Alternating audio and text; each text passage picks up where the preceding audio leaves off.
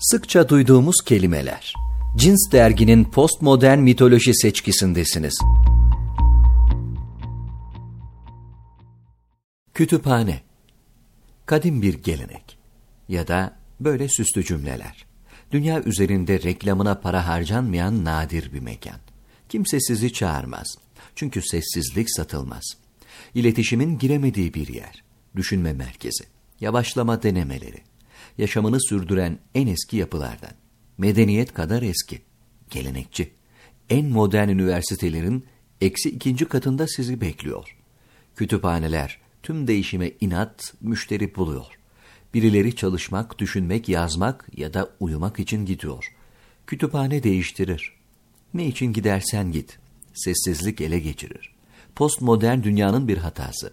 Yanlışlıkla yalnız kalabileceğiniz bir an. Kablolar her tarafınızı ele geçirme niyetinde. Kütüphanelere gereken önemi göstermeliyiz.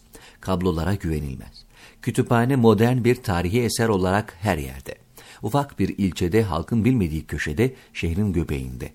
Devasa yapıların depolarında bir yerlerde bir şekilde varlığını sürdürüyor.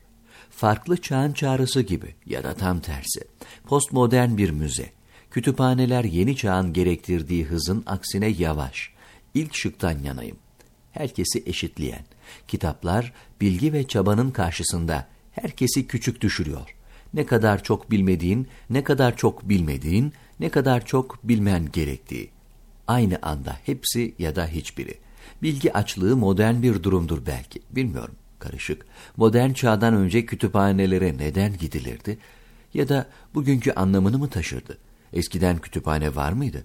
Önemsiz sorular. Postmodern mitoloji sözlüğünün sayfalar süren maddesi, dünyada sahip olduğumuz her veriyi yok eden bir raf.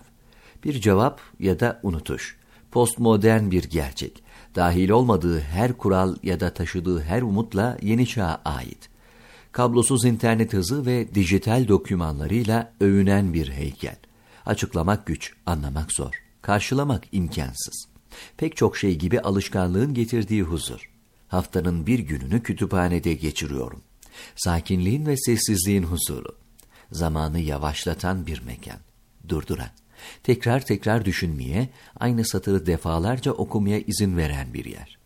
Bir turnike değil, turnike de beklenmez, geçilir, düşünülmez. Koca bir X-ray cihazına dönen şehirde karanlık bir nokta. Farklı soru, başka cevap. Borges'in hayalindeki cennet, karşımda duran kum kitabıyla bakışmamızın 20. dakikası. Ayağa kalkıyorum, gözlerim kitapta. Bir kez daha. Sonsuzluk ihtimali net doğru. Bu kez sola dönüyorum ama atılacak mailler. Ama cevaplanması gereken mesajlar. Memura soruyorum. Kablosuz internete nasıl bağlanabilirim? Cins dergi içeriğini dinlediniz. Daha fazlasına önce ulaşmak için GZT uygulamasını Apple Store ve Google Play Store'dan indirmeyi unutmayın.